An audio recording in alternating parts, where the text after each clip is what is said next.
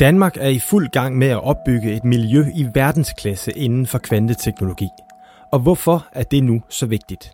Det er det, fordi at den avancerede teknologi, som den danske fysiker Niels Bohr var med til at bane vejen for med sin berømte atommodel, har udviklet sig til i fremtiden at handle om bedre behandlingsmuligheder og supercomputere. Kvanteteknologien vil give os helt nye muligheder, eksempelvis til at udvikle personlig medicin og til at skabe computere, der er enormt hurtigere og har helt andre anvendelser, end vi kan forestille os i dag. Kvanteteknologien rummer også potentialet til at ændre måden, vi producerer energi på, så vi kan undgå de miljøbelastende fossile brændstoffer. Mulighederne er mange, men de er også potentielt risikofyldte, for det er ikke ligegyldigt, hvem der kommer først over den kvanteteknologiske målstreg. I det kvanteteknologierne har et så enormt potentiale, også i forhold til eksempelvis beskyttelse af demokratiske værdier og den nationale sikkerhed, så er det alt afgørende, at man er med på vognen, og man ligesom kommer først sammen med de partnere, man har tillid til. Lige nu står vi faktisk på tærsklen til det, som eksperterne kalder for den anden kvanteteknologiske revolution, og meget står altså på spil i det globale kvantekapløb. Alt det zoomer vi ind på i denne episode af Mikroskop. Jeg er Lene Oddersæde, og jeg arbejder som Senior Vice President i Novo Nordisk Fonden, hvilket betyder, at jeg har ansvaret for vores øh, aktiviteter og uddelinger inden for de naturvidenskabelige og tekniske områder. Lene Oddershede arbejdede indtil for fem år siden som professor i fysik på Niels Bohr Instituttet i København. Da jeg havde min daglige gang øh, på Niels Bohr Instituttet, der havde jeg øh, laboratorier i kælderen, hvilket var de samme lokaler, de selv samme lokaler, hvor Niels Bohr han øh, færdede, så var ham og hans øh, kollegaer, de lavede deres øh, forsøg og havde deres øh, diskussioner. Og netop Niels Bohr spiller en helt central rolle i udviklingen af kvanteteknologi. I år 1913 kom han nemlig med sin atommodel. Hvor han formulerede, at øh, elektronernes baner, de var det, man kalder kvantiseret. Så elektronerne kunne kun være i bestemte baner, og de kan hoppe imellem banerne. Hvilket vil gøre, at der var en udveksling af energi, eksempelvis i form af fotoner, der blev udsendt. Bohrs atommodel åbnede op for en ny måde at begribe atomare og subatomare partiklers struktur og stabilitet, og Bohrs teori banede via andre fysikere som de Broglie og Heisenberg vejen til den senere udvikling af transistoren. Nogle af de teknologier, som vi omgiver os med i dag, de baserer sig på kvanteteknologier. Eksempelvis øh, vores øh, smartphones, de har øh, milliarder af transistorer i sig, og også øh, laseren, der jo består af fotoner, har også øh, elementarpartikler i sig, som opfylder alle de her kvantemekaniske love. Så faktisk uanset hvad vi omgiver os med, så er det faktisk øh, partikler, som opfylder kvantemekanikkens love. Og vi vil aldrig have haft øh, vores øh, smartphones eller laseren eller meget den anden teknologi, vi øh, omgiver os med i dag, hvis det ikke havde været for udvikling af kvanteteknologi. Så kvanteteknologi er altså i din lomme og mange andre steder allerede. Ja, i virkeligheden overalt. Og det at beherske denne teknologi vil medføre store muligheder.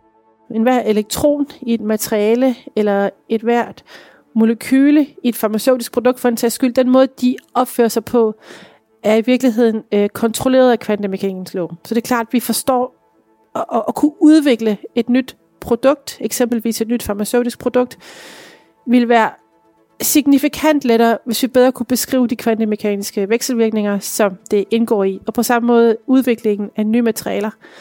Så man kan sige, at den, de teknologier, som gjorde, at vi kunne udvikle smartphones og, og laser, det er det, man kalder kvantemekanikkens første revolution. Og vi står nu lige på tasken til den anden kvantemekaniske revolution. Noget af det, der gør, at vi er i gang med udviklingen af anden generation, er, at vi er blevet markant bedre til at producere materialer med nanometer præcision, som er meget præcist. Så vi kan bedre lave materialer, som har kvantemekaniske egenskaber. Endvidere er vi blevet væsentligt bedre eksempelvis til at lave lyskilder, hvor vi også kontrollerer den enkelte foton meget bedre. Og så har der været hele udviklingen på computersiden, hvor vi jo har hele de computere, vi kender i dag. Vi har hele halvlederindustrien osv. osv. Alt det er nødvendigt, for at vi kan tage det næste skridt.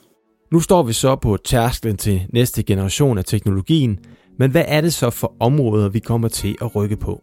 De områder, hvor øh, vi øh, forventer, at der kommer en meget stor udvikling her i løbet af den anden kvantemekaniske øh, revolution. Det bliver inden for øh, computing, altså quantum computing, inden for det, vi kalder quantum sensing, inden for kryptering, øh, og inden for kommunikation. Og, og så der vil der være anvendelser af de her ting, eksempelvis inden for, for life sciences, og inden for pharma, og inden for ja, diagnostik øh, i forhold til vores sundhed, men også i forhold til behandling. Inden for computing vil der blive udviklet en ny type processor, en kvanteprocessor, hvor den enkelte bit i computeren kan indeholde meget mere information i sig, end de bits, vi bruger i computer i dag. Så en, en kvantecomputer adskiller sig fra en klassisk computer, i det den enkelte fundamentale enhed, den der hedder en bit, kan indeholde væsentligt mere information end en klassisk bit. En klassisk bit kan kun være i tilstand 0 eller 1, hvorimod en kvantebit i princippet kan, kan antage uendelig mange tilstande med forskellige sandsynligheder, som du så låser den ned i først, når du måler på den. Et godt billede på, hvad kvantecomputeren vil være i stand til, er, hvis du forestiller dig en labyrint. Der er måske tusind blinde veje i labyrinten, og kun én vej, som fører dig rigtigt igennem. En nutidig computer kan prøve en vej af ad gangen. Kvantecomputeren kan prøve alle veje af på én gang, og dermed finde sin vej igennem labyrinten på 0,5. Kvanteteknologi kan også bruges til at kryptere eller afkryptere information, som er vigtigt i forhold til kommunikation og sikkerhed. Og så er der quantum sensing. Som betyder, at du kan lave en lille sensor, som kan opsnappe ekstremt små signaler. Og det kan du bruge eksempelvis til at måle på de signaler, der er inde i ens øh, hjerne alternativt øh, i hjertet, og du kan måle på den måde, hvordan er flowet igennem hjernet, hvordan fungerer dit hjerte osv. osv. På den måde kan du bruge det til diagnostik og til bedre at forstå den menneskelige krop og de menneskelige funktioner. Det lyder smart, men det handler ikke kun om nye behandlingsformer. Quantum sensing kan også anvendes til militære formål. Man skal heller ikke være blind for, at sådan en sensor vil også kunne opsnappe signaler fra ubåde, der befinder sig på bunden af Østersøen. Og vil kunne hjælpe droner med at navigere i områder, eksempelvis hvor der ikke eksisterer et GPS-signal. Blandt andet derfor har Danmark fra politisk hold udviklet en strategi for kvanteteknologi. Den danske stat har formuleret meget øh, ambitiøs kvantestrategi, og, og faktisk er det fyldt op af signifikante midler på finansloven. Og det er noget, der virkelig bliver set øh, globalt, og som vil hjælpe med at positionere Danmark i top i det globale kapløb. Og ifølge Lene Oddershed er det ganske fornuftigt at udvikle en strategi på området. Kvanteområdet er samtidig et område, hvor hvis man står stille, selvom man er stærk, så svarer det til at bevæge sig baglæns. Det er super vigtigt, at vi investerer, og vi bevæger os fremad, ellers kan vi ikke følge med i det globale kapløb. Strategien er todelt. I den ene del vil regeringen afsætte en milliard kroner til forskning og innovation inden for kvanteområdet indtil 2027. I den anden del er der afsat yderligere 200 millioner kroner i perioden til at styrke det kommercielle potentiale og det internationale samarbejde, og så nok så vigtigt på at styrke sikkerheden. Det samme gør man også på europæisk plan. Vi skal tale om øh, kvanteteknologi. Forskning i brugen af universets aller, allermindste byggesten skal nemlig give Europa et teknologisk forspring, og derfor er EU-kommissionen nu klar til at spytte milliarder af kroner i et nyt forskningsprogram i netop kvanteteknologi. Hvor, hvor vigtigt er det kapløb? Hvad, hvad kan det betyde, hvis man, hvis man taber? Det kan eksempelvis betyde, at øh, andre nationer vil kunne... Øh, kunne dekryptere øh, de sikkerhedsforanstaltninger, vi har på vores øh, data. Lad os sige sundhedsdata, men det kunne også være andre typer data. Det kunne også være finansielle data. Det kunne også være data, der har betydning for vores sikkerhed. Så hele, hvad skal man sige, informationskapløbet er et meget vigtigt kapløb, og hvor kvanteteknologierne, de, øh, de vil være altafgørende. Vil, vil du gå så langt som til at sige, at kvanteteknologi er eller udvikler sig til at blive kritisk infrastruktur? 100 procent. Der er ingen tvivl i verden om, at kvanteteknologier er kritisk infrastruktur. Og sådan er det også defineret i USA eksempelvis og andre steder. Lene Oddershede er ikke ene om at mene, at det er vigtigt at investere i kvanteteknologi. I USA har man de senere år blandt andet investeret tungt i det for at stå stærkt i cyberkrig. Og her er det fysikeren Michio Kaku, som er ekspert i kvanteteknologi, der udtaler sig til det amerikanske tv-nyhedsprogram 60 Minutes. We're looking at a race. A race between China, between IBM, Google, Microsoft, Honeywell. All the big boys are in this race to create a workable, operationally efficient quantum computer. Because the nation or company that does this will rule the world economy.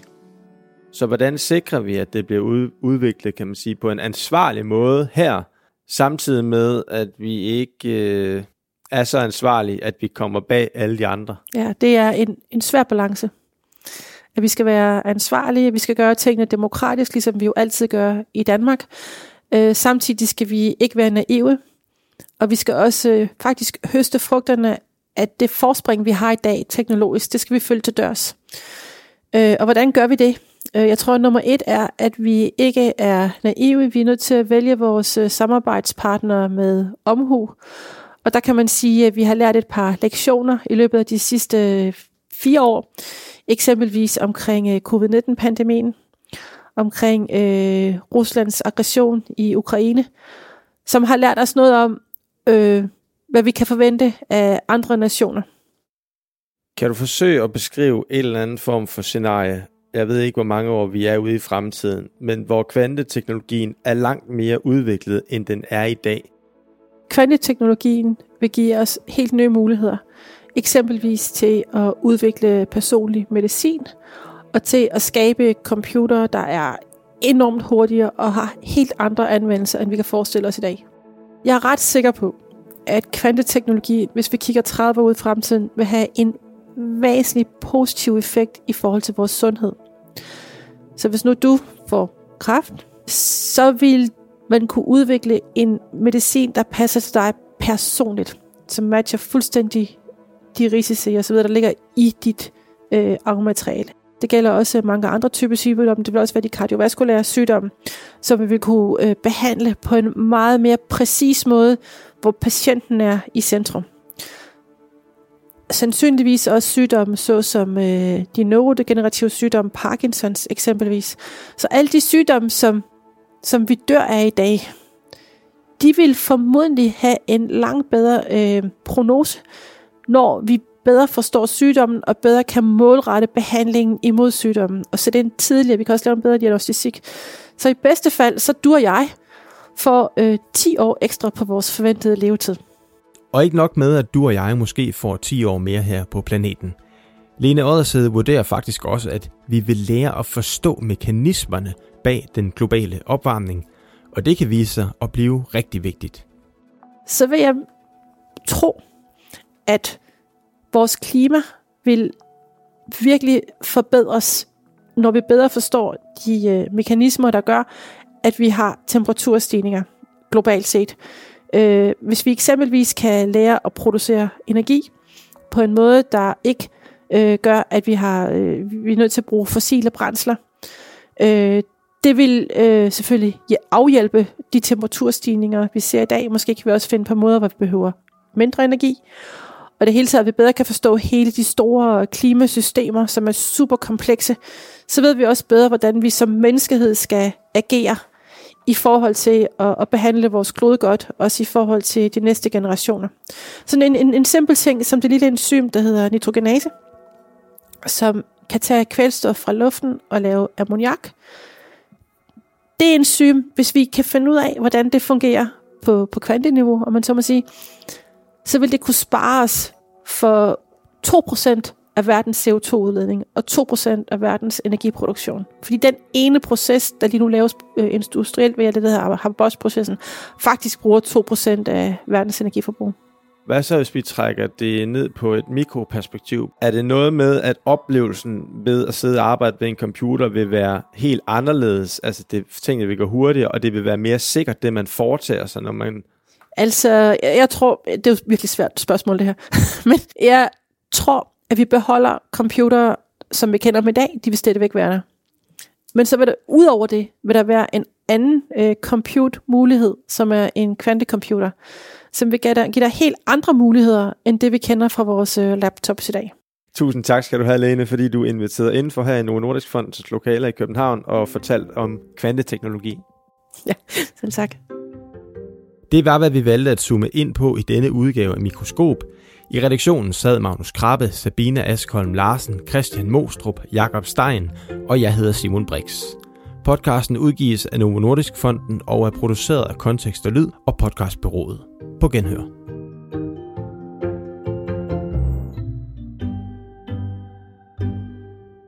Vi har brugt klip fra DTU, TV2 News og 60 Minutes.